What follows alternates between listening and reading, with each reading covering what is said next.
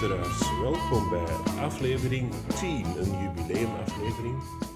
Niet dat we al een jaar bestaan, maar dat we toch een uh, rond getal hebben gehaald, Stijn. Ja, ja, heb uh, proficiat, hè? Uh, ja, ja. Wat zo lang met mij hier vol te houden, maar ik doe dat met veel plezier. Ja. Um, vorige keer hadden we het over Nirvana.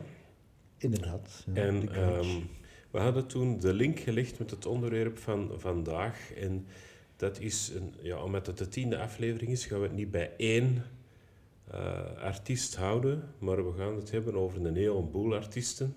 Ja, dan kunnen we inderdaad een hele duik nemen in de muziekgeschiedenis. Dus we komen wel wat namen en artiesten tegen vandaag. Ja. ja. Maar uh, het is uh, niet een doorsnee onderwerp. Het is iets waar we zelf eigenlijk niet echt kaas van hadden gegeten.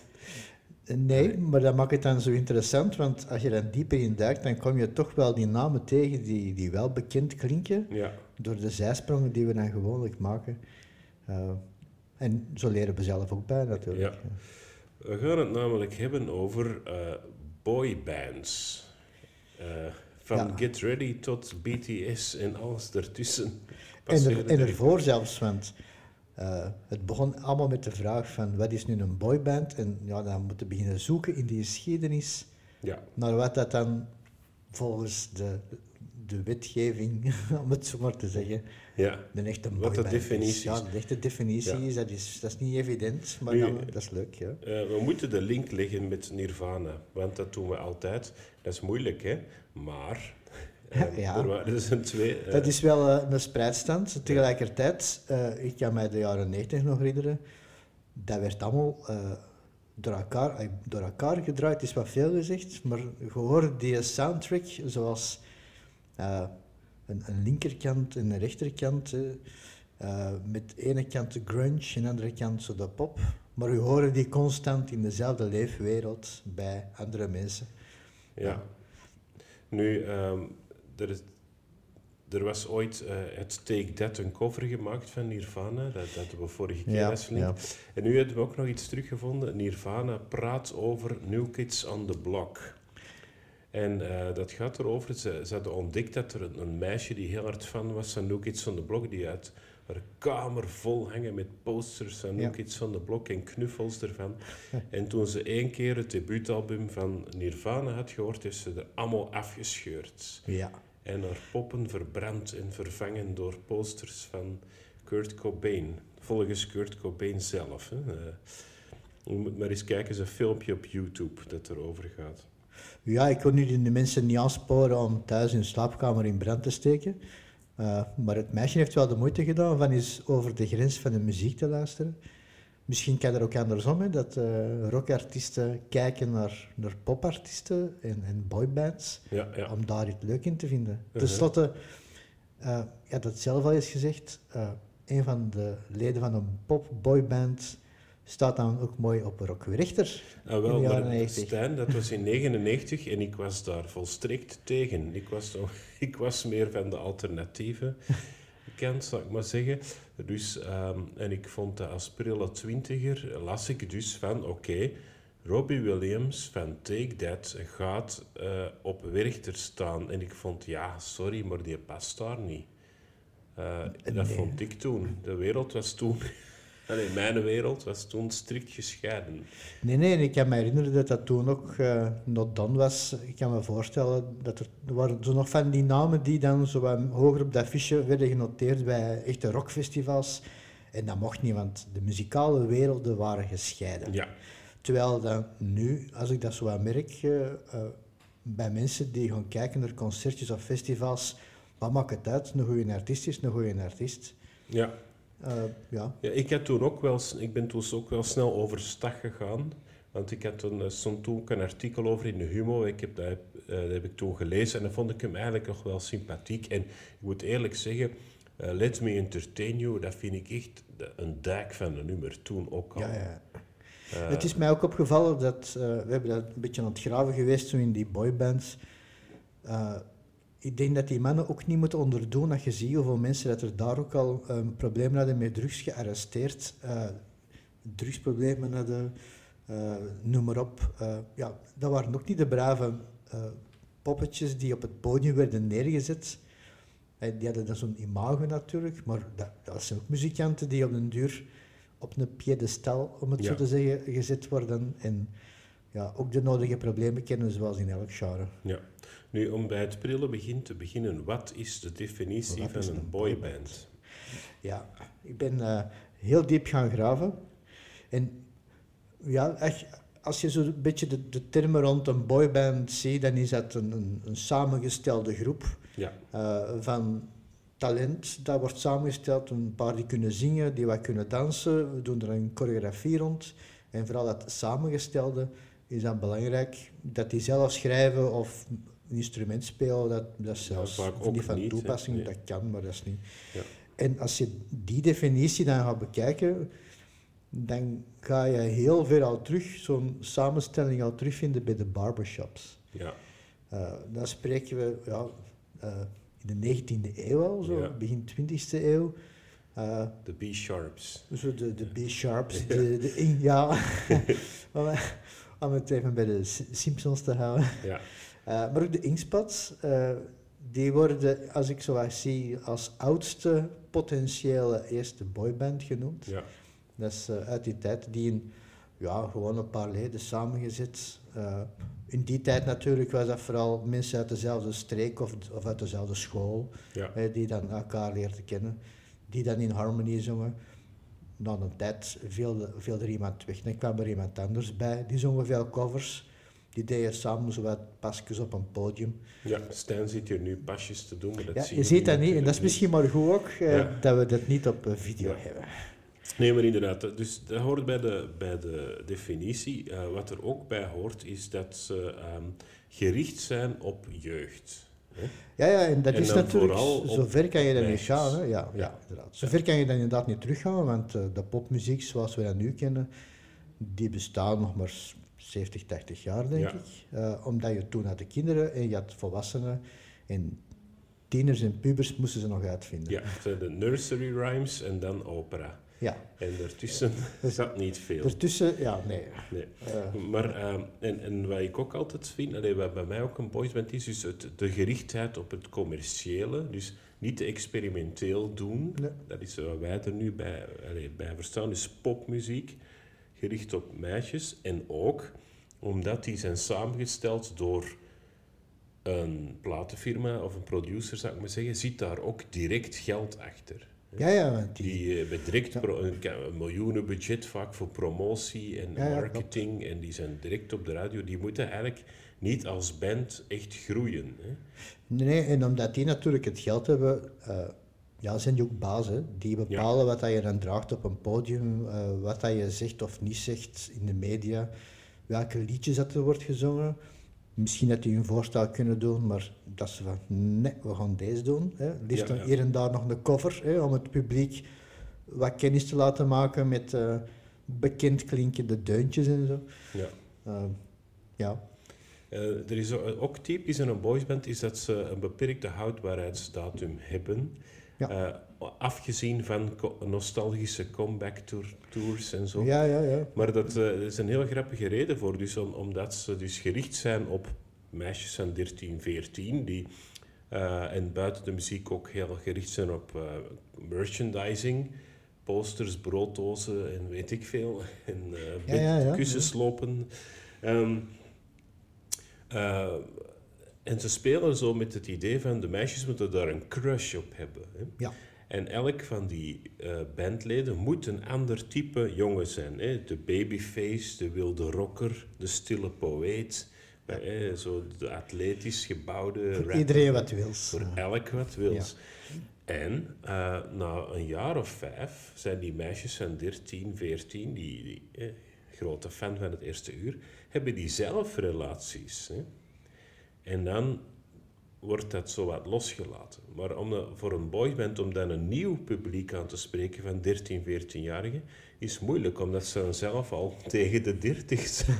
Dat, is, dat begint dan al een beetje awkward te worden. Hè? Ja, ja, inderdaad. Eh, dus dat is eigenlijk de reden dat dat eh, uiteindelijk uiteenvalt. Eh, de, de eerste fans worden zo wat oud. Ja. Ja, oud. En, en een van de redenen dat soms ook wel meespeelt, is dat dan eh, leden die dan daardoor heel bekend worden, eh, die het, ja, het gemakkelijk is misschien wat veel gezegd, want ik denk wel dat ze ervoor moeten werken daar, maar die dan, omdat ze zo ondersteund worden, daar ook heel beroemd mee worden, zonder dat ze eigenlijk een nummer hebben geschreven meestal beginnen die altijd denken aan, ja, maar uh, waarom sta ik hier altijd met vijf op een podium? Ja. Ik heb wel zin in dat nummer en ik mag dat hier niet doen, want de platenbaas zegt dat ik in die stijl moet blijven. Ja. Dus die gaan dan weg, die vertrekken en die beginnen dan hun eigen carrière op te bouwen. Soms lukt dat en soms uh, vallen die uh, met de neus op de deur of met de, met de kop met de op de grond. in huis. Hey, ze krijgen wat tegenslag. Ja. nu, um, we gaan nog eens wat verder. Um, we, we, zijn begonnen met de geschiedenis, zo ja, die barbershop quartets, wat Ja. eigenlijk al een beetje een boysband. Maar later had je zo wat de family bands. En zo. Ja, je had ervoor nog een paar samengestelde bands, want bij de uitvinding van de tieners, de pubers natuurlijk, Ja. dan kreeg je zo, eh, onder andere de Beatles natuurlijk, en toen in de media werd soms geschreven dat dat boybands waren. Ja, maar Eh, natuurlijk, dat maar ja, is dan, een kun, dan organisch kunde iedereen, dan kunde iedereen Ja. van die tijd natuurlijk een boyband, want er waren meestal groepen van alleen maar jongens en mannen. Eh, dus een van de echte samengestelde uit die tijd, dat, dat waren toch twee grote, denk ik. Dat was één fictieve band, die, eh, met studiomuzikanten, maar dat werd dan op, op tekenfilm of een stripverhaal ook wel als boyband voorgesteld. Hè. Een beetje eh, extra creativiteit uh, Ja. af la lettre. Dat waren de Archies. Eh, dat was een, een band die gecreëerd was. Maar dat is, eh, het grappige eraan is, er is een hele geschiedenis dat gelinkt is met de Monkeys. Hè. Dus, Ah ja, ja. eh, bij Dat is die andere band die ik inderdaad Ja. al Dat is Ja. perfect. Ah ja, oké. Dus de Monkeys, eh, die waren eh, gebaseerd op de Beatles. Hè. Dat was het Ja. Amerikaanse antwoord op de Beatles, ook met een fout geschreven dier. Hè, met Ja. Monkey met EE, zoals Beatles met EA. Ehm, en eh, het leuke eraan was, allee, eh, dat was dus, die waren dus echt de eerste samengestelde door een platenfirma, Ja, echt- en ja, en ja. Die hebben op hun, albums, op hun eerste twee albums ook niet zelf gespeeld. Dat was ook studiomuzikanten. Een echte boyband van de letteren eigenlijk. Hè. Ja. Dus, eh, ja. En die hadden ook hun eigen televisiereeks in de jaren 60, 66. Maar eh, ze mopperden omdat ze zeiden, eigenlijk hebben wij wel talenten, wij kunnen wel onze Ja, eigen instrumenten spelen. En ze kwamen zo in opstand en uit wraak, dus is een ruzietje ontstaan, hebben de producers een nummer dat de Monkeys zouden normaal uitbrengen aan, uitgebracht niet onder de naam de Monkeys, maar onder de naam de Archies. Hè? Ja. En dat is afkomstig van een stripverhaal uit de jaren 70, Archie. En dat is de bron, hè, want die Archie is nog altijd heel beroemd, want dat is de hoofdrolspeler in de serie Riverdale. Ah, ja, ja. Die tot vorig jaar eh, is uitgezonden, een mega populaire Ja, tienerserie. Ik heb ze zelf ook gezien, ik vind het ook goed. Eh, zeven seizoenen en dat komt dus allemaal omdat de Archies een liedje hadden dat heel beroemd is geworden, namelijk Sugar, na, na, na, na, na, na, oh Sugar, honey, honey. ja. Dus ja, dat was eigenlijk, dus moest eigenlijk een liedje van de Monkeys zijn, maar het werd er een van de Archies. Ja. Ja, en die werden zo bekend dat er uiteindelijk nu nog Riverdale bestaat. Dus het, Ah ja, het loopt zo. allemaal door. Ja, en, en om het, de impact eh, van de Monkeys nog even te benadrukken. Eh, misschien even terzijde, I'm a Believer is van Neil Diamond. Eh, leuke cover ook wel. Maar de, de impact van de Monkeys, een van de, de, de zanger eigenlijk van, van de Monkeys, die heette Davy Jones. Ja, En die groep was zo bekend dat er een zekere Davy Jones zijn naam moest veranderen, omdat hem, ja, als die wilde gaan ja, optreden. die was heette het- David Jones, Davy eh, verkort. Dus je moest zijn naam veranderen, want ja, iedereen kende de Davy Jones van de Monkeys. Dus ineens is zijn naam dan maar veranderd naar David Bowie. Ja. En dat is een, grote, een groot gevolg voor de muziekgeschiedenis. Ja, dankzij de Monkeys. ja. Eh, nog, nog leuke links met de Monkeys zijn. eh ze hadden dus een televisieserie die eigenlijk, als je die nu terugziet, totaal geflipt was. Hè. Dat was Ja, een tienerserie, die was rebels, die was pop art. En absurde humor in een tijd ook wel. eh, Een beetje experimenteel. psychedelisch-achtig. He- ja. heel anders dan de series die nu, eh, bijvoorbeeld Like Me of zo. Oké, Ja, ja, er zijn ook eh, muziekseries die voor jongeren of kinderen gemaakt worden. Die zijn heel braaf allemaal. Hè. Dat was toen Ja, dat zijn, meer, dat zijn mooie ontroerende verhalen die ook wel tieners bereiken, maar Ja. toen was dat op een andere manier wat En, rebelser, denk ik, eh, inderdaad. Ja. En die serie The Monkeys is afgesloten met een film in 1968. En het knappe eraan is, eh, die is van Bob Raffleson. En die is geschreven, dus de laatste aflevering van de film is geschreven door Jack Nicholson. Toen nog onbekend. En die Bob Raffleson, die dat samen met Jack Nicholson heeft gemaakt, heeft later nog Easy Rider, The Postman Always Rings Twice ge- gemaakt. Nu, nog een andere invloed van de Monkeys was ehm, de band Supergrass. Eh, Supergrass. ja. eh, Dat zijn wel vele jaren later. in inderdaad, ja, ja. 1996, denk ik, maakte hij een videoclip gebaseerd op de clips eh, serie van de Monkeys. Heel Ah, ja, grappig. ja. All Right heet die. Hè? Ja. Een goede nummer, goede clip. En iemand dacht, ik ga met Supergrass, eh, de, ik ga ervan de nieuwe Monkeys maken. Ik ga er ook zo'n serie van maken. En dat was Steven Spielberg. Maar eh, Supergrass heeft dat geweigerd, omdat ze dus, Oh. eh, toen was het nog een groot... van, Ja, we willen niet een boys band zijn, we willen een alternatieve rockband zijn. Dus Ja, ondertussen dat, eh, helaas misschien al een vergeten rockband. eh. ik denk dat dat prachtig... Ja.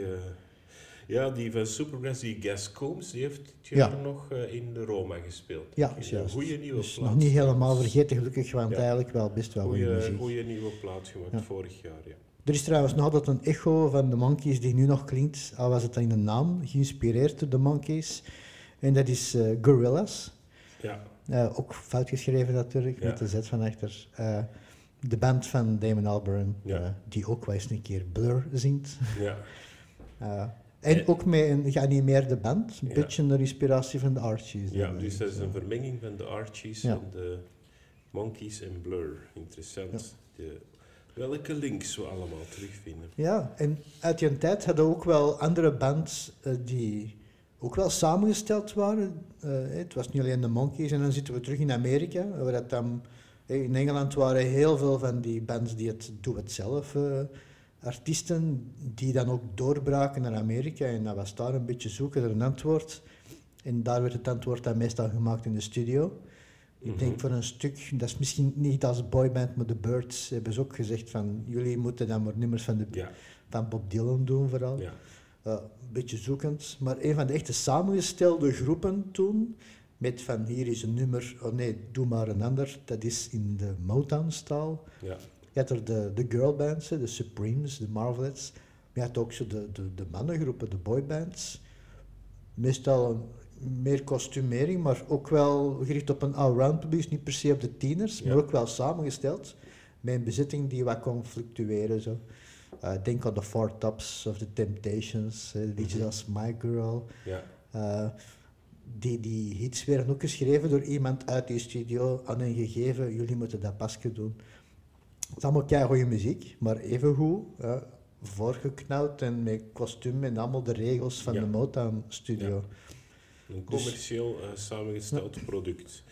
Nu, ehm, er zijn ook zo eh, boybands geweest en dat, dat bestaat nog. Allee, zo dat, die familie waar. Ik denk Ja. zo'n paar jaar geleden, Jonas Brothers had je zo een paar jaar terug. Ja, ja, ja, ja. van- Ja, de Handsome Brothers, dat een beetje teruggaan zo. En dan heel lang geleden, ja, de, de Jackson 5. Absoluut. En eh, de Osmonds waren ook heel ja. bekend. Ja, en de, de, verschil is wel, de Osmonds, die, eh, en die, schreven, die hadden zelf hun instrumenten ook wel. Dus dat leek dan zo de samengestelde boyband. Ik denk dan samengesteld door de, de ouders meestal. ja, Eh, dus op zich op voorhand al een beetje samengesteld. Maar die speelden wel hun eigen instrumenten.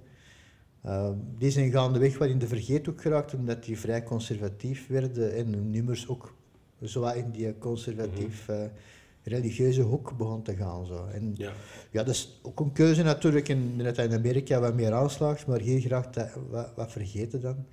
Eh, ik heb eens gezien en alle leden leven nog trouwens. Dat is, ah, dat is niet bij alle andere die Nee, tijd het geval. Eh, trouwens, die hebben wel wat records gebroken, ik denk vooral in Amerika. Eh, Een leuk weetje over de Osmonds. Omdat het dus ja, een van de eerste boybands alleen. Als we het zo, um, als we het zo rekenen, is het cirkel, een mooi uh, rond cirkeltje.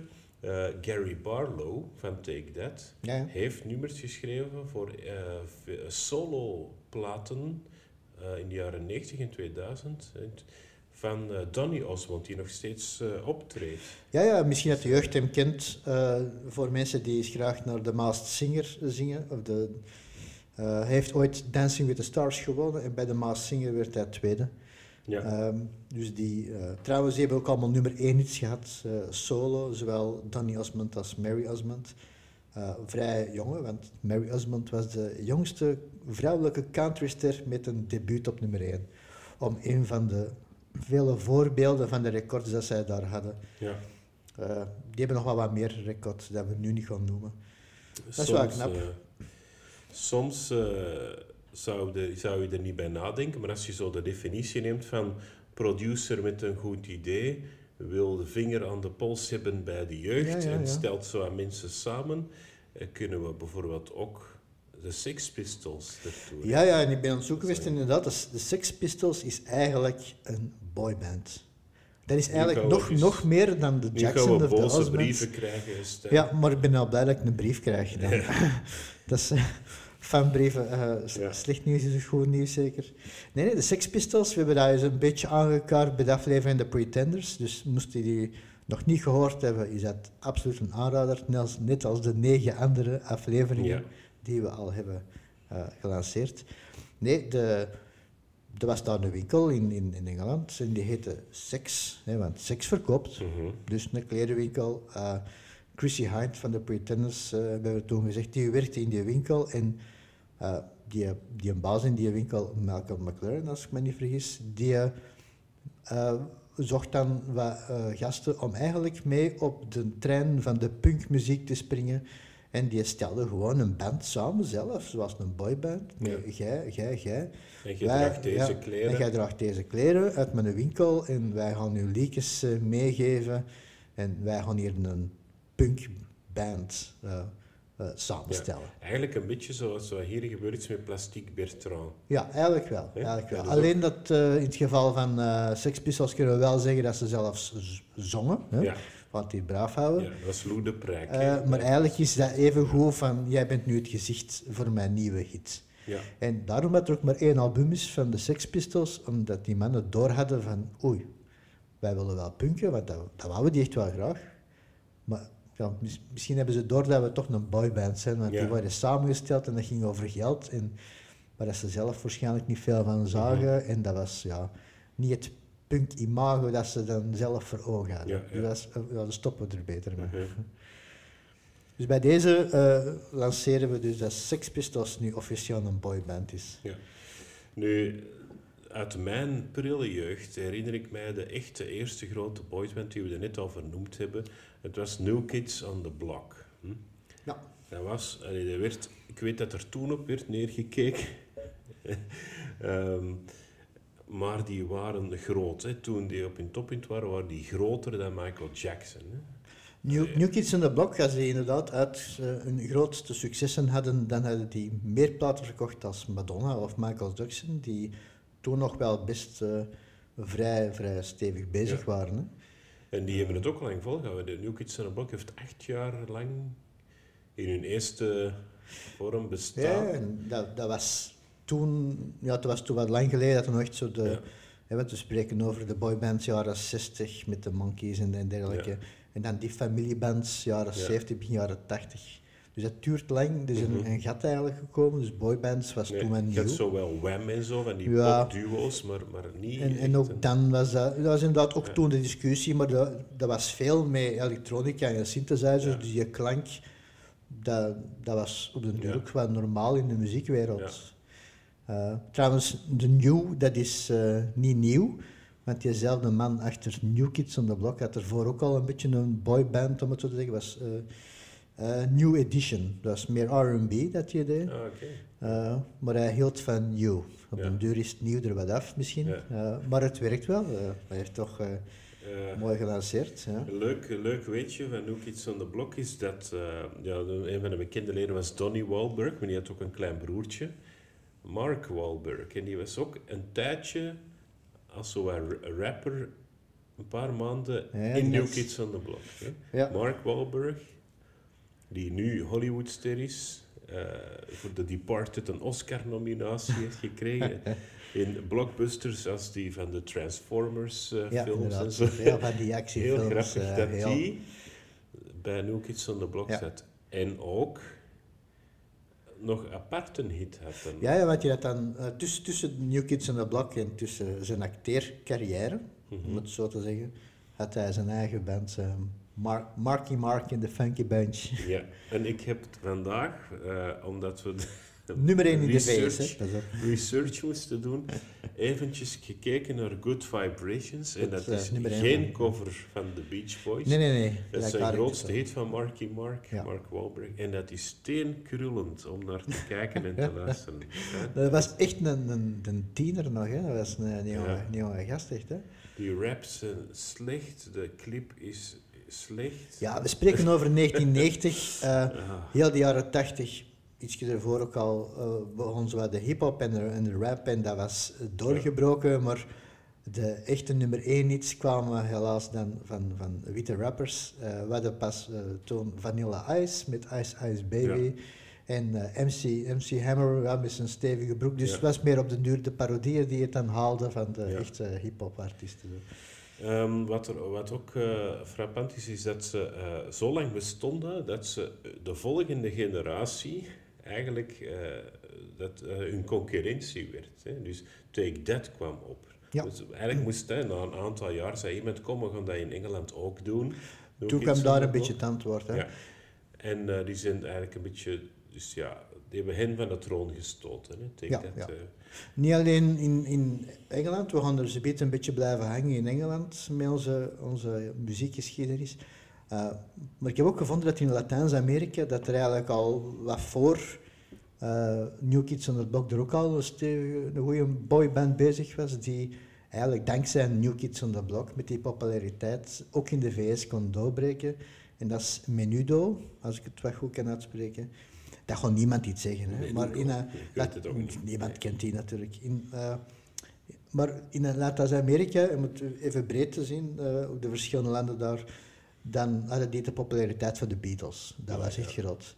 Dus die braken dan door. Nu is hij niet wat vergeten, maar ene zanger is toch nog wel daarna eh, echt heel groot geworden. En dat is Ricky Martin. mhm, ook Die we dan kennen met ja. Eh, Maria, onder andere. eh, in de, ook in de jaren 90 heel veel hits Ja, gehad. Hè? Dat Ja. is, is eigenlijk de Latijns-Amerikaanse Robbie Williams. Zoiets, ja. Ja. Maar inderdaad, het antwoord kwam dan, want heel raar, dus in, in Amerika had je dan zo de, het, het zoeken naar een new edition, je had dan zo de, het samenstellen van al die bands, hè. we hebben daar wat overlopen, en New Kids on the Block. En waar komt dan het antwoord dan? Dat is uit Engeland, eh, Ja. met onder andere als eerste echt Take That. Take That. En Take That had zelf concurrentie, want we gaan het vooral over Take That nu hebben, maar even snel tussendoor. Een andere band in, in Engeland was East 17. Dat was zo'n beetje de tegenhanger. Ja. Uh, Maar- 17 is mm, tussen wat minder bekend, vooral omdat Take That nog altijd veel Ja. langer bezig Dat is was geweest. zo wat de. Blur Oasis Dat was zo'n beetje een tijd, ja. maar dan ja. van de pop.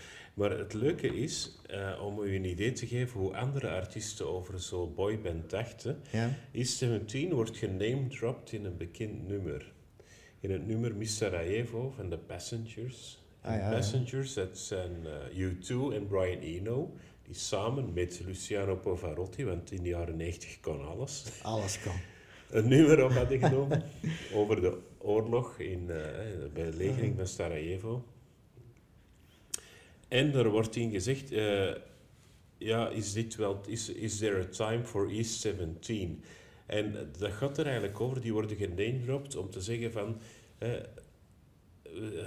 de oorlog is heel serieus, maar ook belachelijke dingen hebben hun plek. Ja, ja, ja. Een ozele, alledaagse, simpele. Terwijl dat die ook wel hun... hun Ja. We staan er ook niet bij stil natuurlijk. Hè. Die hebben zo de hits Around the World en Thunder. Uh, maar die E17 had ook zo de hit uh, Stay Another Day, Ja. dat misschien wel heeft hangen. Ja, die zanger heeft dat geschreven voor zijn overleden broer. Ja. Dus uh, ook weer bewijst dat die zanger dan weer zelf zijn muziek schreef, wat dat dan bij Take That ook wel het geval was met Gary Barlow. Ja. Gary Ah. Barlow is een... allee, het, we spreken nu, ja, Take That, hè, dat is een samengestelde boyband, maar daar zit echt wel talent in. Hè. Die, die heeft, Ja, dan zit je terug. Ja, dan zit je terug een beetje in de geschiedenis van de jaren 60, waar dat dan zo in Amerika zo die samengestelde bands worden ge, ja, samengesteld eigenlijk voor de, een antwoord op de Engelse invasie van bands die een nummer zelf schreven. En zelfs nu bij de boybands in Engeland krijg je in het begin dan toch een beetje hetzelfde fenomeen. Die beginnen zelf hun muziek te maken. Mhm. Uh, voor de rest is het natuurlijk even goed met Take That, een beetje samengesteld, de rest van de groep. Wat niet wegneemt dat dat ook talentvolle kerels zijn, maar want daar worden ze dan op geselecteerd natuurlijk. Hè. Ja. Er was een beetje ruzie tussen Gary Barlow en, en Robbie Williams een tijd, omdat Ja. eh, die ontdekte natuurlijk, ja, die schrijft de nummers, dus die int ook miljoenen auteursrechten. Ja, De- ja. De rest van de band heeft alleen royalties als uitvoerder. Hè. Ja. Eh, dus eh, even ruzie gehad, maar ze hebben later toch wel terug samengewerkt toen dus Robbie Williams solo ging. Ja. Ik denk dat die op die eerste plaat nog wel samen nummers hebben geschreven. Eh, Ja, ja, Gary Barlow heeft ook een eh, nummer 1 lied geschreven voor, eh, voor Robbie Williams. Was dat. Candy? Of, nee, niet. ja, dat hebben ze denk ik samen geschreven, maar ik weet het niet. Kan. ik ken, ik ken niet veel van boybands, eh, Steven. hits, hit na hit. hoeveel? eh, 13 nummer 1 hits of zoiets heeft Ja, die op is, zijn, eh, dat is veel. Ja. En eh, nu, we gaan zo, zo verder misschien over Robbie Williams, maar over die Gary Barlow nog dit. Er is een link met de volgende generatie, omdat hij eh, in de jury zat van X Factor, dikwijls Gary Barlow. Ja. En daar is een nieuwe band ontdekt, die we later nog gaan zien, One Direction. Ja, ja, dus je ziet dat eh, Ja, alles komt terug. alles eh, komt ja. terug. Ja. Maar in Engeland gaan we nog even blijven hangen. Ehm, niet alleen in Engeland, maar iets verder in Ierland kwam dan zowat eh, het antwoord op de Engelse antwoord van de New Kids on the Block. hè. Ja. Eh, trouwens, na, want in heel Groot-Brittannië werd Take That de best verkochte band, boyband, sorry. eh was op 9 nummer 1 iets, dus waarschijnlijk echt wel aan top. De tweede eronder was dan Boyzone. Ja. Met dan als frontman Ronan Keating, die daarna ook wel solo wat gedaan heeft. Nu, het verschil bij Boyzone en Take That is dat eh Take That heeft ook wel wat mooie covers gedaan, eh, maar Gary Barlow schreef dan heel veel. Bij Boyzone hadden ze toch wel iets meer covers. Hè? Father and Son van Cat Stevens, eh, Words van de Bee Gees, Baby Can I Hold You van Tracy Chapman. maar ook wel eigen nummers, hè? No Matter What, Picture of You, dat zijn wel leuke, leuke deuntjes van. Ja. Die hadden trouwens twee frontfiguren, hetzelfde een beetje als Gary Barlow en Robbie Williams. Ja. Je had ook nog Stephen Gately, maar die is helaas vrij jong gestorven. Ja. Die Ronan Keating, ehm, die, had dus ook, die had ook solo een, een, een grote hit. Ja, eh, uit de film ehm, Notting Hill Ja, geloof ik eh, die, dat eh, komt. When You Say Nothing at. All. Het leuke daaraan is, dat is met Hugh Grant. Hè. En daarna heeft Hugh Grant een film gemaakt en die gaat, ik weet niet wat daardoor geïnspireerd is, over iemand die, hij speelt iemand die in een boyband zat en dan daarna solo gaat en dan eh, een comeback wil maken. En music en lyrics, ik vind dat eigenlijk een heel leuke zo. film. Ah ja, ja die film, dat ken ik. Ja. Eh, en dat is een leuke film, dus dat gaat eigenlijk over dat fenomeen. Je bent heel groot geweest ooit, maar je stapt eruit en dan. ja, en dan. Je een comeback maken of. Eh, en eigenlijk, ja, dat is eh, waar we nu over praten. En dat was een fictieve boyband genaamd Pop in die film, Ah, ja. Een leuke film om eh, Een aanrader. een romcom over muziek. Kunnen eens opzetten na deze aflevering Ja. natuurlijk. Ja. Nu, die samensteller van Boyzone, want dat was de samensteller, hè, dus Ja. die Louis Walsh, als, om het zo te noemen, die, die van ja, dat werkt hier wel. Ik kon dat nog eens doen. Eh, en die vraagt zelfs Ronan Keating mee als co-manager Ja. voor zijn nieuwe band. Hè, want die is zoiets van, ja, Eigenlijk is dat slim gezien. Ja, dat is de man met de ervaring op het podium. Ik heb eh, achter de schermen meegetrokken. Dus die pakt je mee en die beginnen een nieuwe band te coachen en dat is Westlife. Ja, ook groot geworden. hè? Niet te onderschatten, want wij denken, oh ja, Westlife, ook weer een boyband. Die, eh, de band had 16 nummer 1 iets in Ierland. 16, Dat is zot, hè? dat is zot. Ik denk dat dat bij ons misschien de Clouseau daar in de, deel- in de tijd een beetje kan evenaren in de Vlaamse top Ja. 10 dan nog, maar eh, Maar op veel 16 kortere nummer tijd, 1 iets saai. trouwens, want nu komen we eigenlijk zo bij de vooroordelen dan van de boybands. In, zeker in die tijd was dat nog gevoeliger. Nu maakt het allemaal niet uit natuurlijk, en gelukkig maar. Eh, ik denk dat bij eh, Westlife hadden we voor de eerste keer dat we toch weten of dat hij bewust wat ervoor kwam. Dat was eh, Mark Feely, dat was een enige eh, ho- homo, LGBTQ. De enige homo uit die groep. En daarmee is hij eigenlijk in heel de UK de LGBT-performer met de meeste nummer 1 iets ooit. Dat Ja, dat dan is zijn cool. 16 Ja. nummer 1 iets. Ja. Elton John. Eh, ja, zelfs dan, want Elton John heeft een mooie carrière, maar ja, blijkbaar. Dat is eh, knap, ja. ja. Nu, hier, eh, hier was dat ook ooit een issue met onze eigen grote boyband Get Ready. Ja, ja dat, dat was een heel schandaal. hadden inderdaad niet alleen in Engeland, want je had daar ook wel wat boybands die dan zo wat kwamen oprijzen. Hè. Ja. Zeker rond de kant van Londen, hè, je samengesteld, het Five, Another Level, Blue, doe het allemaal zo. Maar in België werd dat ook gedaan, dat was Ja. die een tijd. En dan hadden twee grote namen, waar dat er één echt wel boven springt, dat is Get Ready. Wist je trouwens, Stijn, dat ik ook nog bij Get Ready heb gezongen? Nee, dat wist ik niet, Steven. Het is, is heel Ik kom hier van alles te weten, dat is ongelooflijk. Ik ben even verbaasd als u, beste Ergens in de jaren 90 eh, nam Get Ready een, eh, in 1998 een plaat op, eh, Requiem 98. Ja, dat is juist, ja. ja.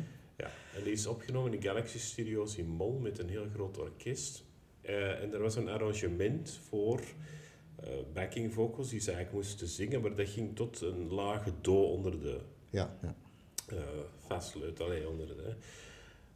Dus ik heb dat gezongen. Ik, ik kan me voorstellen dat die, studio, die jongens dus, dat eh, toen, dat, eh, Eh, dat die niet aan die lage noten kwamen. Nee. Dat is ook wel een heel episch nummer toen ja, dat is een als heel knap nummer eigenlijk. Eh, en dus ik heb Ja. toen eh, in de studio samen met Get Ready gezongen.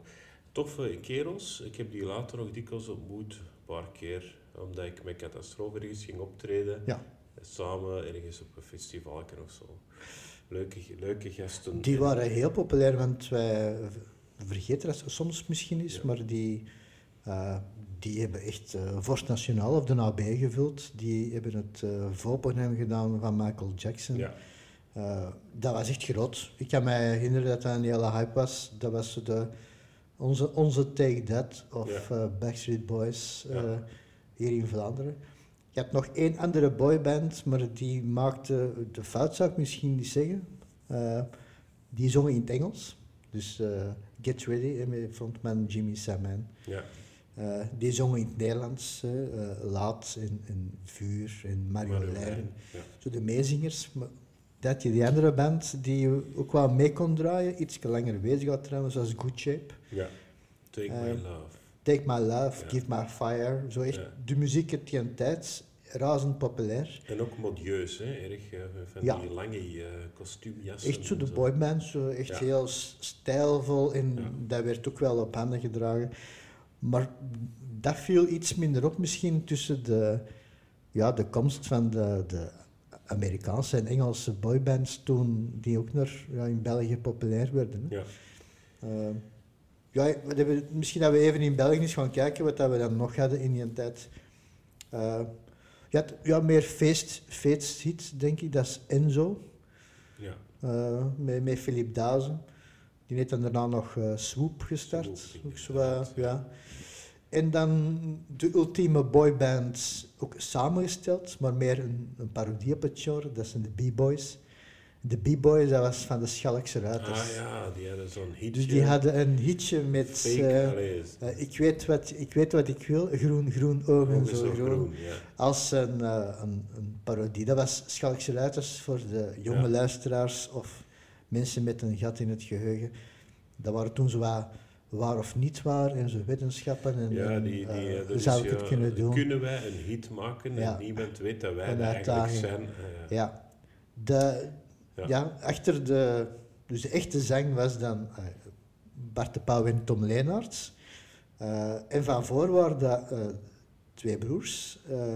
Alain en Philippe Bokken trouwens, die op het podium stonden van tien om te zien, want dat werd ja. populair gezien, ja. En dat zijn twee mannen van de feestgroep The Magical Flying Thunderbirds, eh, onder leiding van eh, Miguel Wils. En die speelde toen zogezegd boysband. Die, die stond eigenlijk op het podium als eh, Milli acteurs. Ja. Beetje Milli Vanilli eigenlijk, Ja, hè, ja. samengesteld. Zij moesten eh, geen Grammy teruggeven. Maar één grote grap, eigenlijk Ja. om te bewijzen ook hoe stom dat dat was. Eigenlijk werd er een beetje op neergekeken. Hè?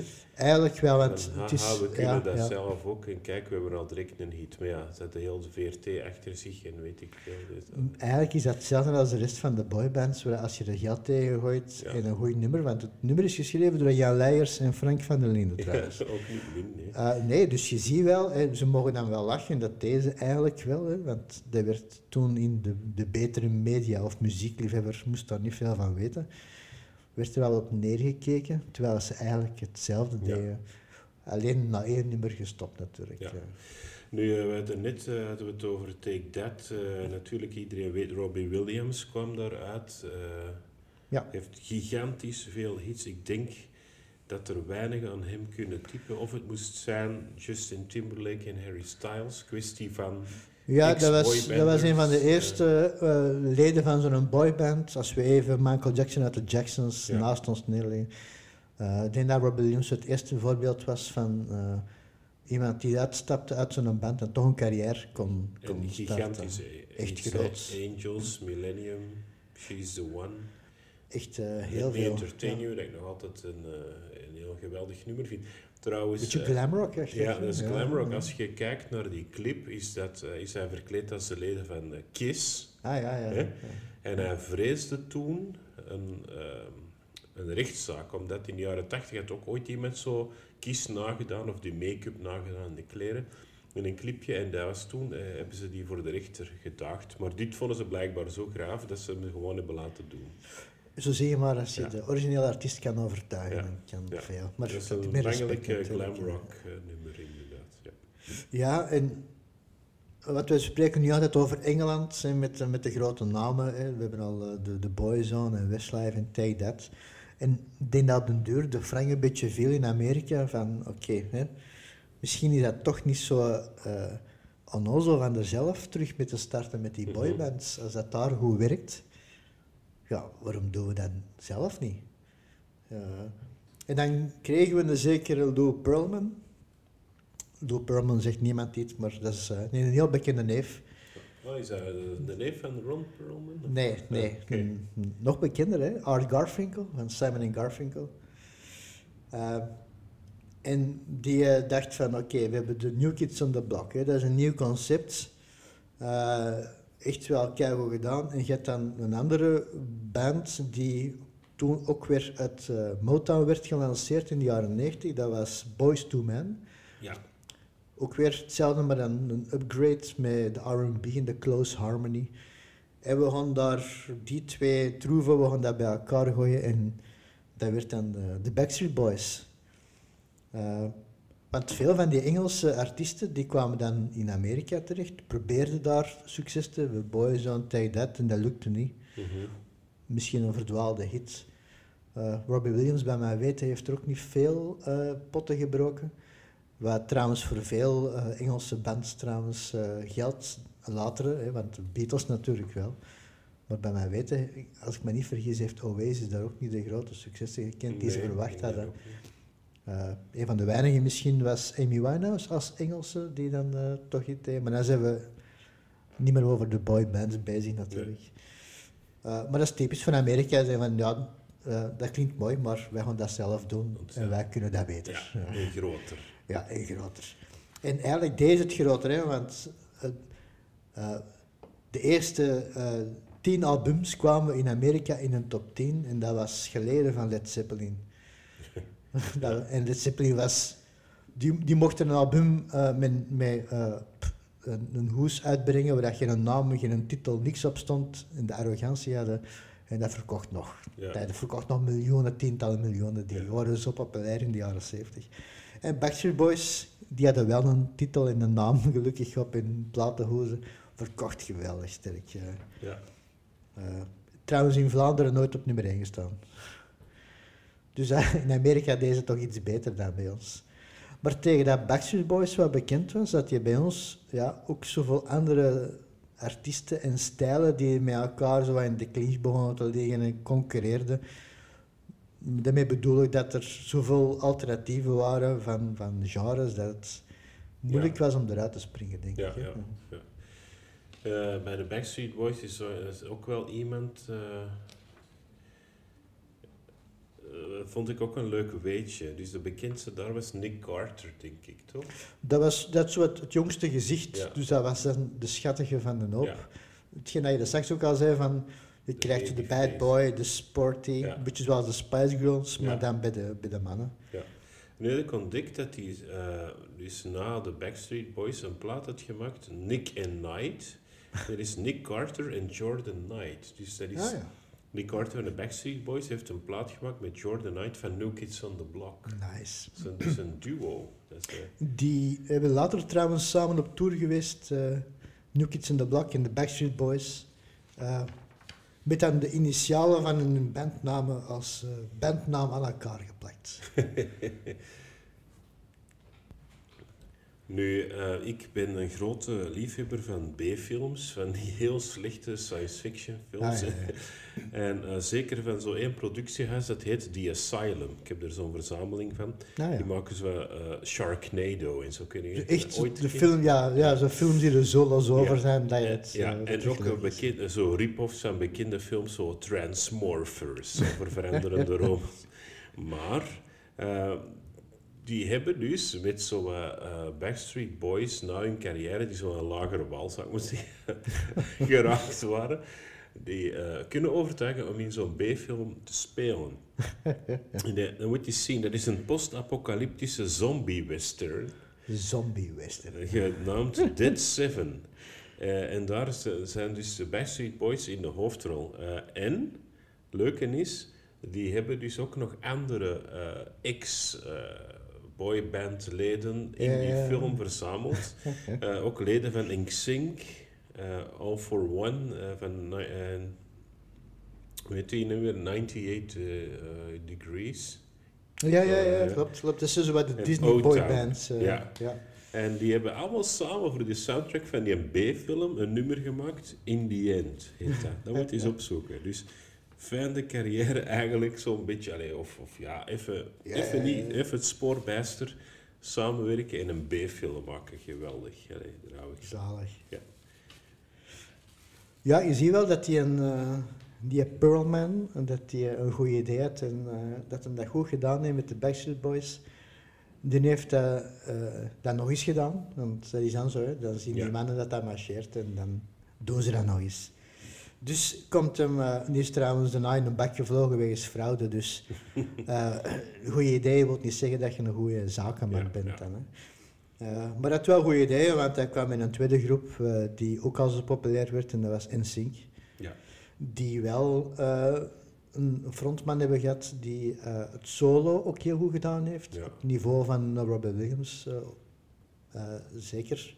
En Justin Timberlake, ja. Ja, die heeft eh, drie jaar bij een Sync getoerd, denk ik. En dan solo gegaan. Ehm, Ja, zo af en toe een keer teruggegaan, denk ik zo. Ja. Ik denk dat dat als een, ja, de- van die mannen natuurlijk, als ze dan, Ja. die doen dat wel graag, maar die willen echt wel meer focussen op hun eigen carrière. Hij eh, heeft ook wel wat acteerwerk gedaan, ook in films, hè. Justin Ja. Timberlake. eh. Eh, Justified was zijn eh, eerste plaats en eh, hij is eh, ook wereldberoemder nog geworden door eh, iets dat een schandaal. Inderdaad. nog? Ja, Dus hij moest eh, optreden tijdens de pauze van een Super Bowl, waar miljoenen gezinnen kijken in Amerika, Ja. samen met Janet Jackson. En op een bepaald moment trekt hij een stuk van haar kleren en is haar borst bloot te zien op de kijkbuis. Met trouwens nog een, een als ik me niet goed kan herinneren, nog een sterretje op haar tepel geplakt. Ja, dus, Dus het was eigenlijk een beetje de bedoeling. Ja, dat, is, dat is in scène gezet.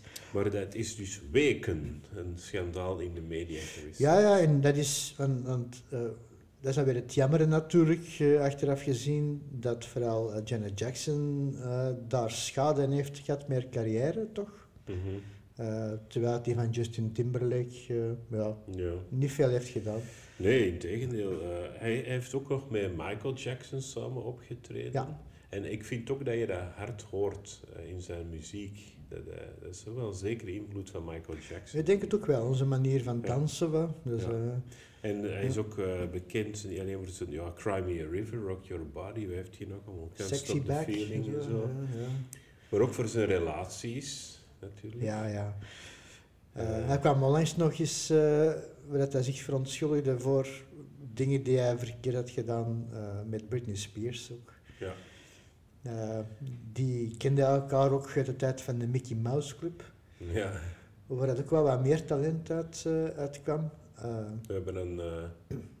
ja, we hebben er een, een Miley Cyrus, wij een, een podcast Cyrus. over gemaakt. We ja, dat is een andere generatie, iets gelaten uit Disney, uiteraard, hè, ja. maar ook wel uit, uit de stal van Disney, hè, Ja. die dan groot is geworden.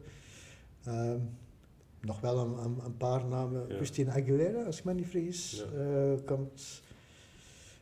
En de Jonas Brothers, waar we het net over hadden, dat is ook, ook een Disney-band. Ja, ja, want de Jonas Brothers die waren eigenlijk eh, eh, te gast bij Hannah Montana. Ja, Die- oké. Ja, Dus eh, het programma van Miley Cyrus met Hannah Montana, haar alter ego, ja, eh, waren daar de Jonas broers. ja, de Jonas. Brothers waren daar.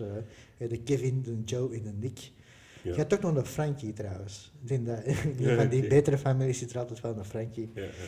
Die zong niet en die heeft er ook niet in heeft gedaan. Zo. Dus eh, ja, dus, en na Britney Spears was hij denk ik ook met Alissa eh, was Ja, vroeger, vroeger een crush van mij. Dus, eh eh, Fergie van eh, Black Eyed Peas heeft hij ook nog iets mee gehad. Cameron Diaz ook. En met Jessica Biel, maar daar hoor je zo wat minder van nu, omdat die eh, nog, veel, nog lang voor corona eh, was hij zo, tegen, was hij zo eh, tegen vaccinatie van kinderen voor polio of mazel of kinderen, Ah, ja, tetanos, van die, die vaccin. Daar was zij tegen en dan is hij zo, heeft hij zo wat tegenkanting gekregen in Hollywood. Ik weet niet of ze nu nog samen zijn, maar ik herinner mij dat, dat dat een, nogal een issue was. Ja, dat lezen we dan in de roddelrubriek. Ja, want Eh, wij zijn natuurlijk... eh, wij zijn natuurlijk de, de podcasters. Dus Uiteraard. eh, Je gaat over muziek en niet over roddels. Dus Steven, alleen Ja, ja. over roddels gesproken. Maar ze, ja, hoor, buiten de relaties heeft hij ook samengewerkt met andere artiesten. Justin Timberlake met Madonna en Rihanna. Ja, ja, ja, Jay-Z, ja, ja. Drake, met alle grote. En hij, hij is ja, na Robbie Williams misschien wel de grootste ster post Ja, inderdaad. eh, Eh, ja, solo-carrière. ik het toch wel eh, toch een indrukwekkende carrière. Buiten degene die waarschijnlijk nu aan bod gaat komen. we houden de spanning er nog even in, want Ja. ik wil nog even over de Jonas Brothers. Ja. eh, Ah, Oké, je hebt nog een leuk weetje. Ja, spannend. Ja. Weet je, eigenlijk wel m- mooi en triest tegelijkertijd. Je hebt bij de Jonas Brothers Nick Jonas. eh, die heeft ook in de media bekend eh, gemaakt dat hij eh, lijdt aan diabetes. Eh, en hij zet zich daar ook wel hard voor in, ook met, met, goede doelen en benefiets. En eh, ja, mensen awareness maken, bewustzijn maken van, van de ziekte en hetgeen dat er aan hangt. Toch meer begrip. Niet evident, want dat is een stuk van je privéleven. Alhoewel het natuurlijk meestal over de schandalen en de relaties gaat. In deze geval is dat echt heel persoonlijk over zijn ziekte, waar hij zich toch wel in de media veel over uitspreekt. dat, is, Mhm. eh, dat is mooi. Ja, dus eh, we moeten niet op alles neerkijken wat boybands, boybands doen. We doen dat ook niet, Stijn. Als wij Uit- eh, Nee, uiteindelijk zien, niet. dan herkennen wij dat. Nee, want ik, ik denk dat bij veel genres, ook al is het misschien niet onze favoriete, ik, ik heb heel veel hits in dit, bij de boybands die mij wel liggen. En ik denk altijd, het is iedereen zijn genre. Ja, Ik- En dat willen we natuurlijk met zoveel diverse artiesten in onze podcast ook eh, een beetje laten horen. Ja. ik denk dat wat, wat de meeste eh, mensen die erop neerkijken eh, hebben, is niet zozeer de muziek, want die is dikwijls door heel goede songwriters geschreven. Absoluut. Maar zo het commerciële erachter. Hè. De, het samenstellen, het fake, het niet organisch groeien Ja, van een band. Hè. En ik kan me dat wel voorstellen. Ik ben een hele grote liefhebber van, van live optredens en concerten. En ik had toen ook wel het idee van, ja, dat is eh, in een studio samengesteld. Maar aan de kant, die van Motown, dat is één grote fabriek. Ja, Ah ja, veel verschil is er dan ook niet, denk ik. nee. Ik heb zo, eh, dat brengt ons bij het volgende. Ik heb zo getoerd met, met Jury Fransen een tijd. Dus die, Ah, had, die had zo de wedstrijd Idol gewonnen. ja. hè. Eh, dat was toen de tijd, en nu bestaat dat nog, van die wedstrijden op tv. Hè. En die vertelde mij dikwijls van hoe dat het er dan aan toe ging. Want eh, als jij dan wint, dan moet jij bepaalde eh, ja, concessies doen. Hè. Dus je, je kunt niet zomaar beslissen over je eigen carrière. Als je, je kunt dat wel, maar dan laten ze je vallen. Hè. Ja. Dus je moet meedraaien in de machine, in het fabriek, zoals jij zei. Eh, en dan krijg je kansen. Hè. Dat is dus, ja, hij heeft ervoor gekozen om zijn eigen weg te gaan dan. eh, heel ander leven gekozen. Eh, maar dat brengt mij dus naadloos bij het volgende. En dat is eh, bij X Factor, het programma X Factor, waar dus ook Gary Barlow en zo ook allemaal in de Ja, ja, ook dus zaten, hè, de ex-boybandleden. Eh Ronan Keating heeft dat ook gedaan, volgens mij.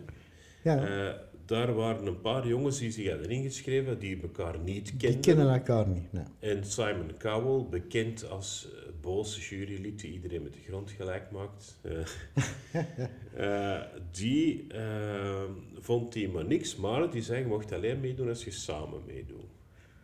Ja, die had inderdaad wel dat inzicht van, oké, die, die mannen die kunnen zingen, maar die zijn zo saai, eh, bij wijze van spreken, alleen. Dat is, zo hebben veel van die kandidaten, dat werkt niet echt. Dat is natuurlijk het idee van zo'n X-Factor of een idool, die jury wil er gewoon een artiest neerzetten. In sommige gevallen, want we zien dat ook eh, met, met artiesten zoals Laura Tesoro, die dan echt Ja. een carrière nog kan uitbouwen zoveel Ja. jaar later. Want de meeste namen geraken helaas in de vergeethoek. Natalia, dat was goed tot deze week. Natalia, dat is dan nu, nu gestopt natuurlijk. hè. Dus, eh, ja, och arme, om Ja. het zo te zeggen. Nee, maar dat is natuurlijk een beetje eh, geluk, maar ook wel ja, het, het, het bewust van die artiest dan zeggen van oké, wij gaan gewoon onze eigen weg, hè, zoals Jori Fransen. Eh, ik herinner mij Udo, die ook eh, meegedaan heeft met een X-Factor. Eh, en Mathieu en Guillaume, die zijn dan niet zo hoog geëindigd, maar wel meegedaan en gewoon gezegd van Ja. nee, we gaan onze eigen liedjes doen. Ja. En in deze geval, ja, als je toch meedoet, ja, dan kan natuurlijk zo de organisatie zeggen van ja, een beetje bijsturen en, en dat zit wel goed, want die kunnen, wel, die kunnen wel zingen, die kunnen wel wat dansen, dus die kunnen wel wat. Ja, want we zeggen altijd bij boybands wordt samengesteld, ja, dat is op basis van hun talenten natuurlijk. En dat is niet per se muziek spelen eh, of, of schrijven, maar wel zingen en, Ja, en dansen en performen, ja. performen. En dat is ook En- wel een kunst, vind ik. Een van de belangrijke elementen eh, bij een boyband is eh, uiterlijk. Hè. Dat hebben we nog niet vermeld, maar het is belangrijk Nee, dat je er goed uitziet. Ja. Dat je een bepaalde stijl hebt, die ook wordt bepaald door stylisten dan en zo. Hè. Ja. Ehm, maar we hebben het over One Direction. Hè. Inderdaad. Ja. Dus dat, dat is de, na uh, NSYNC, denk ik, de grootste, toch Britse boyband. eh. Eh, zeker, zeker nu, omdat die natuurlijk minder concurrentie hebben. Hè. Ik denk dat eh, toen had je nog een paar bands, dan is dat wat stilgevallen. Ja. Omdat dan, ja, dan krijg je zo de, de, de ja, weer het gevolg van najapers. Hè, waar dat in Engeland met dan Blue en, ja. en, en Another Level en zo. In Amerika was er ook even goed. Hè. Je had No Mercy, is van de organisatie van eh, eh, Frank Farian. En die had dan, zoals straks ook al genoemd, eh Milli Vanilli samengesteld. En de man achter Bonnie M. Ja. En dan zo de 98 Degrees, Ja. dat zo, die dan liedjes zongen als True to Your Heart voor de Disney-film Mulan. Dus dat begon al zo wat geforceerd te klinken van we hebben nog een boyband nodig, heeft er nog iemand dit in de schuif liggen. Ja. Ah, ja, dat is misschien wat kort Ja, aan de bocht, ja. maar dan komt het erop neer dat ja, je begint wat te herhalen en dat is in de muziekwereld altijd al geweest. Er komt helaas aan elk genre een einde. En Mhm. dan ineens na zoveel stilte bij wijze van spreken komt dan zo de, die wedstrijden aan, Idol en X-Factor, en dan merk je toch van, nu, eigenlijk werkt dat toch nog altijd wel. Ja, dat was in 2010 dat wij One Direction, ik weet zelfs niet of die gewonnen zijn. Derde, denk ik. Uh, Ik denk dat, uh, ja, uh, geen idee, ik denk dat dat zelfs niet toe doet bij zo. Nee, dat Niemand kan de winnaar noemen van Idol. Nee. Ja, ja, Buiten de winnaar in de familie misschien. Ja. Dus, en dat is jammer, want die mensen zingen goed. Alleen, die worden heel een, heel een tijd een seizoen lang gesteund en op tv gedragen. Met vooral covers dan. Hè. ja. En dan worden die gelost. Tenzij Ja. dat dan natuurlijk, zoals in dit geval, de organisatie ziet van, hm, er zit wat meer in. Ja, dus die werden eh, gezegd, ja, je mocht meedoen als groep. Die doen het heel goed, die worden heel populair. De eerste single die uitkomt, denk ik, was eh, Forever Young van eh hit van Alpha. Film. Een mooi liedje. Ja, ja, ja. Eh, eh, ook gezongen door Paul Michiels. Ja, In de jaren 90, rond de eeuwwisseling ergens heeft hij eh, ja toen had hij, wat, eh, eh. hij was toen gestopt met zijn eigen boyband, Soul. Ja. zo. En ik vond dat ook een goede versie. ja. ja, ja, ook niet slecht. Ehm, Forever Young, was dat niet uit de film Team Spirit, als ik me niet vergis? Ja, dat kan wel, dat weet ik niet. Ja, dat kan wel. En One Direction is ja, de, zo de laatste grote Britse of zelfs Westerse boysband nadat alles is overgenomen door wat sinds tien jaar ook een gigantisch fenomeen is. Zuid-Korea, hè? Eh, Zuid-Korea, de K-pop. Wij kennen, de, eh, Stijn en ik, wij kennen daar niet veel van. daar niks van. Ik heb toevallig twee kinderen die daar ook niet mee bezig zijn. Misschien moet ik mij gelukkig prijzen. Maar ik ken via mijn dochter wel, de, omdat haar vriendinnen er wel mee bezig zijn in de lagere school zelfs. Eh, BTS bijvoorbeeld. Die naam zegt mij maar dat is ook alleen maar omdat die naam dan zo eens valt bij muziekwissen. Ja, En dat is zo de enige naam die dan blijft hangen. eh, wat wil dat nou weer zeggen? Iets met Boy Scout. Ik weet het niet meer. Moeten we opzoeken. Als je het weet mag je Moest er iemand hier in de Wikipedia in de buurt hebben, zoek het even en, en bel ons. Of, of B, BTS. Maar niet in het midden van de nacht natuurlijk. Ja, ik weet het niet meer. Ehm, denk ik het, ja. Ik weet zelfs niet of ik het juist zeg. Ja. Maar in elk geval, dat zijn dus grote fenomenen, hè? die K-pop. Ja, absoluut, absoluut. De, de kamers van de meisjes nu hangen vol Koreaanse Ja, wij onderschatten dan dat wij er eigenlijk Ja. niet veel van kennen en Nee. dat komt niet in onze leefwereld voor. Zijn, Nee. Maar ik, ik zie dat zelfs, ah, want ik, ik, ik eh, doe heel veel live concerten en dan ga je zo wat rondsurfen op eh, de zalen in de buurt van wat- oké, wat draait er, je luistert eens. En dan zie ik in, eh, in verschillende zalen dat daar ook eh, die K-pop wordt geprogrammeerd en dat dat echt wel, dat is uitverkocht. Hè. Ja, Wij zien dat nog niet in het grote, dat, dat, dat vult misschien nog geen sportpaleizen, maar dat gaat niet lang duren. Die hebben natuurlijk een andere wereld van zo de livestreaming en mhm. eh, de ouders moeten dat meestal dan wat betalen voor die kinderen, maar die kennen dat zelf niet. Maar dat is populair, dat is, Dat is een, dat is enorm, dat, is een, dat marcheert. En wij kennen, ik ken alleen maar uit, uit Korea qua muziek de Gangnam Style. ja.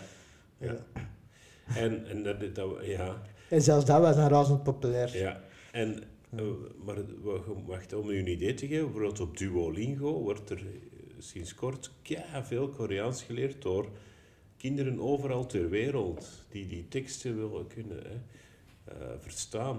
Eh, Squid Game bijvoorbeeld. Eh, Netflix-serie hè, met, eh, met dat spel. Geweldig eh, populair. Dus Zuid-Korea is... Ik, ik ben ook een grote filmliefhebber en sinds de jaren eh, de, de nullies, zou ik maar zeggen, zeker, wat ervoor was er ook al, dan zie je heel veel echt mooi gestileerde Ja, actiefilms uit Zuid-Korea. Ja. Nee, vroeger was het allemaal eh, Hongkong vooral, eh, Japan eh, uit die kanten, Eh, maar echt de hele sterke actiefilms, heel knap gemaakt, dat zijn, eh, dat zijn Ja. Zuid-Koreaanse actiefilms. is, eh, dat is veel beter dan dat klinkt. ja. Nu, de muziek van die K-pop blijft een beetje westers wel. Zo, het, het, Ja, het, het genre. Hè. Dat is, allee, voor het grootste deel is dat gewoon westerse popmuziek. Ehm, maar ja, dat wil dus zeggen, het is onmogelijk te voorspellen. Binnen vijf jaar is misschien eh, Afrikaanse boybands eh de top. Dat, kun, dat is onmogelijk te voorspellen. De wereld wordt steeds kleiner. Nu, dus, ja, die hebben dus eh, de, de kroon overgenomen, de K-pop bij boybands van One Direction, zou ik maar zeggen. Want Inderdaad, ja. One Direction draait nog altijd, trouwens. Eh, maar het is vooral natuurlijk eh, een van de leden die, die nu zorgt dat eh, jongeren een- dagen aan een stuk onder een brug kamperen om Ja. als eerste aan het podium te gaan staan. Veel verschil met de Beatles of zo is er ook niet. Is- wij zijn er natuurlijk niet meer zo gewend. Maar die zijn razend populair. Harry Styles. Harry Styles.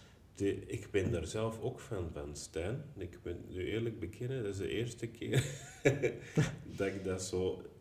Dat ik dacht, amai, dat is De outing wel, van die kan ja. iets. Ja. die is echt goed. Ik, ik ben een heel grote fan van David Bowie. En is misschien heilig genoeg om te zeggen, maar ik zie daar wel veel... eh, niet zeggen een reïncarnatie in, maar zo een beetje een vervolg. Zo, hij, heeft niet, mis- ja, hij heeft het potentieel. Ja, misschien ook wel. eh, Het is moeilijk te zeggen natuurlijk op die korte tijd. hè. Wij blikken altijd terug op David Bowie. Los van zijn Ja. eh, echt wel klassiekers en, en songwriting. Maar de verschillende stijlen die hij heeft gehad, ja, dat gaat over tientallen jaren. Ja. Uiteindelijk is eh, Harry Styles nog niet zo lang bezig. Nee, ik- Zeker ik solo niet. Nee, de eerste die solo ging van... hij was niet de eerste die nee, solo ging. Zayn Malik, die was ook heel populair. Die solo gaan. Die heeft ook wel... Die, is een, die heeft ook in 60 landen op nummer 1 gestaan met zijn eerste soloplaat. Dus ja, dat, die was ook groot. Ja, doe het maar. hè. Ja. Hij heeft dan met... eh Zayn Malik heeft ook met Taylor Swift... Een, eh, een, een nummer gemaakt voor de film Fifty Shades Darker. Zo. En eh, dat was een paar jaar nadat Harry Styles en Taylor Swift, want die hebben blijkbaar ook een relatie gehad. Aha. Dus we komen terug in de roddelrubriek. ja, maar blijft muziek, hè. Blijft muziek, voor alle Maar zelfs ondanks dat succes van die scene valt dat bijna in het niet met het succes van Harry Styles. Ja, ja. Eh, Maar die heeft wel mooie nummers. Eh, eh, Zijn stijl is mij iets minder. Maar dat is misschien omdat ik hem nog niet zo heel ken. Maar bijvoorbeeld Watermelon Sugar vind ik wel, Ja. vind ik wel leuk. ja. je weet over wat het gaat, Stijn? Eh, nee. Nee, het gaat over biffen. Het gaat over orale seks op vrouwen. Ehm, Dat verklaart veel. Je moet dus goed naar de tekst luisteren en zeker naar het clipje zien. Dus als ik, ik vind het altijd heel grappig dat kleine kinderen dat zitten mee te zingen. Het gaat letterlijk over biffen. Ja. Ehm, hij heeft ook nog ehm, ja, Sign, of the, Ti- Sign of the Times, geen cover van Prince, maar Nee, dat was zijn ja, eerste. je titel, maar inderdaad zijn eerste Eh, uh, solo hit. En ook interessant is, eh de tweede single, Two Ghosts, gaat over zijn relatie met Taylor Swift. Mhm. En is een antwoord op het liedje Style, dat over Harry Styles gaat, Ja. van Taylor Swift. Eh, ja, ja, dat is wel zo dat eh, Mooi, hè? eh, Taylor Swift wel wat... ja, haar relaties evalueerde, om het zo te zeggen, Ja. in haar eh, muziek. Hè? Ik denk dat er een aflevering van Family Guy over gaat. of zo, over eh, dat hij gewoon een relatie begint met Chris, om er dan over te kunnen schrijven. Alle inspiratie, oké. Ik denk dat eh, zijn grootste hit was As It Was.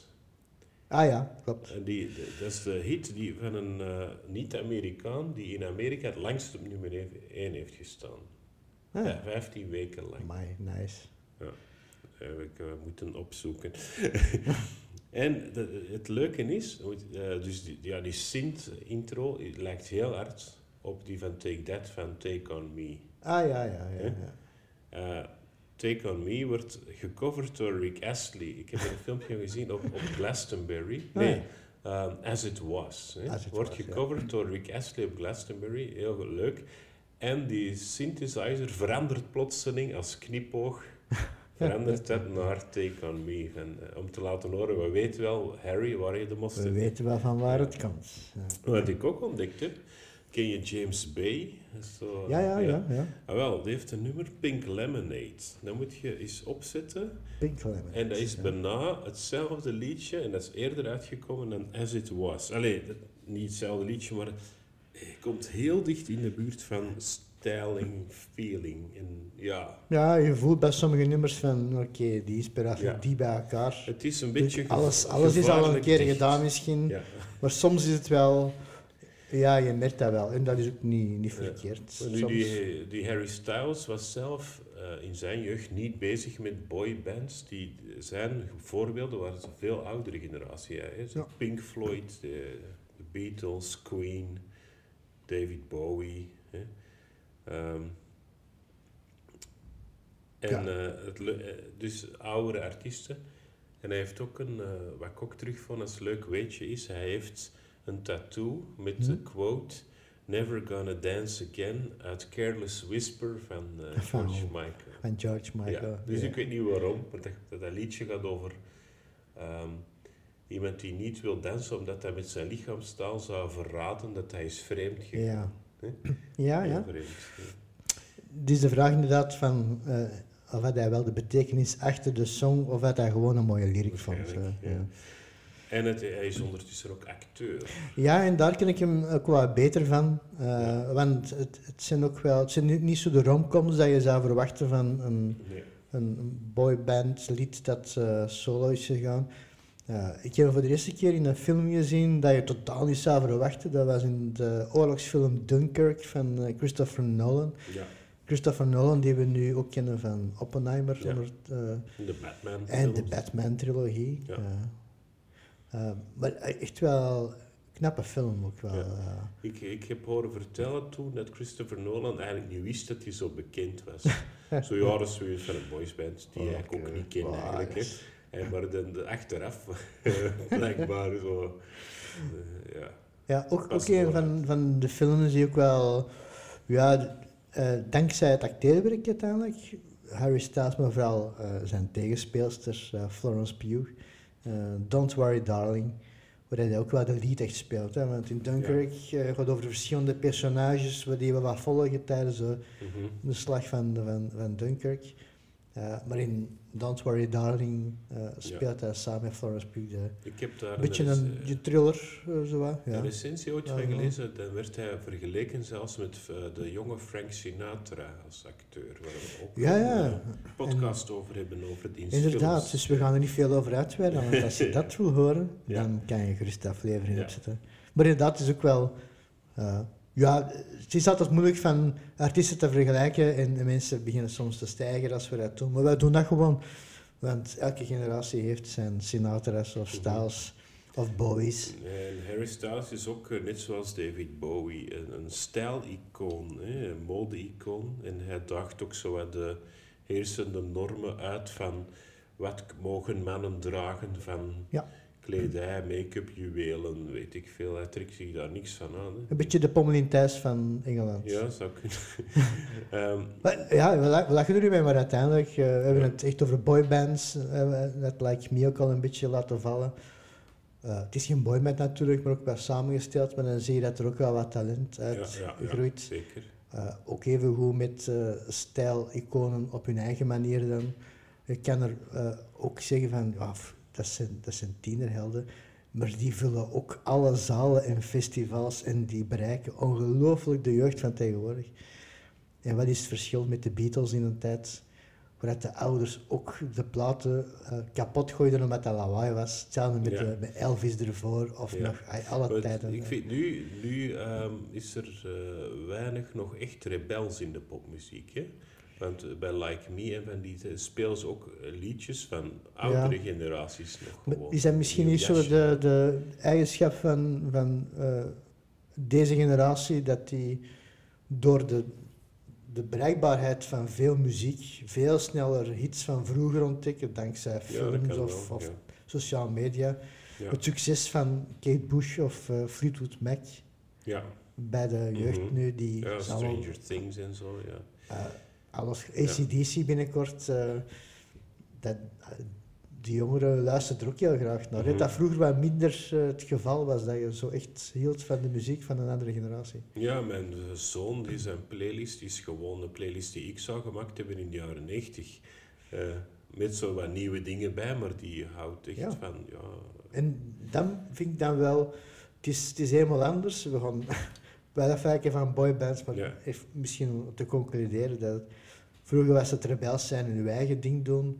Nu is het meer van, pff, ik, ik luister naar alles en het moet gewoon leuk klinken en dan is dat dezelfde playlist. Ja, De K-pop hit die Ja. mooi is, de indie band achter de hoek. En de Sinatra, omdat je dat gewoon een keigoed schijf vindt. Ja, Dus dat is gewoon, als het goed is, is het goed. Hè.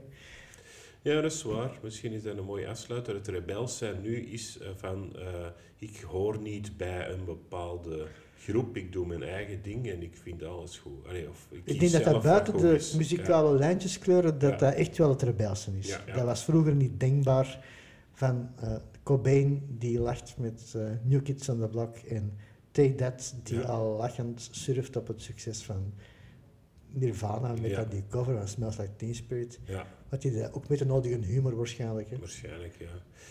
We kunnen hier afsluiten onze tiende en extra eh, lange aflevering over de geschiedenis van de boybands en eh, wie er een solo-carrière uit heeft kunnen puren.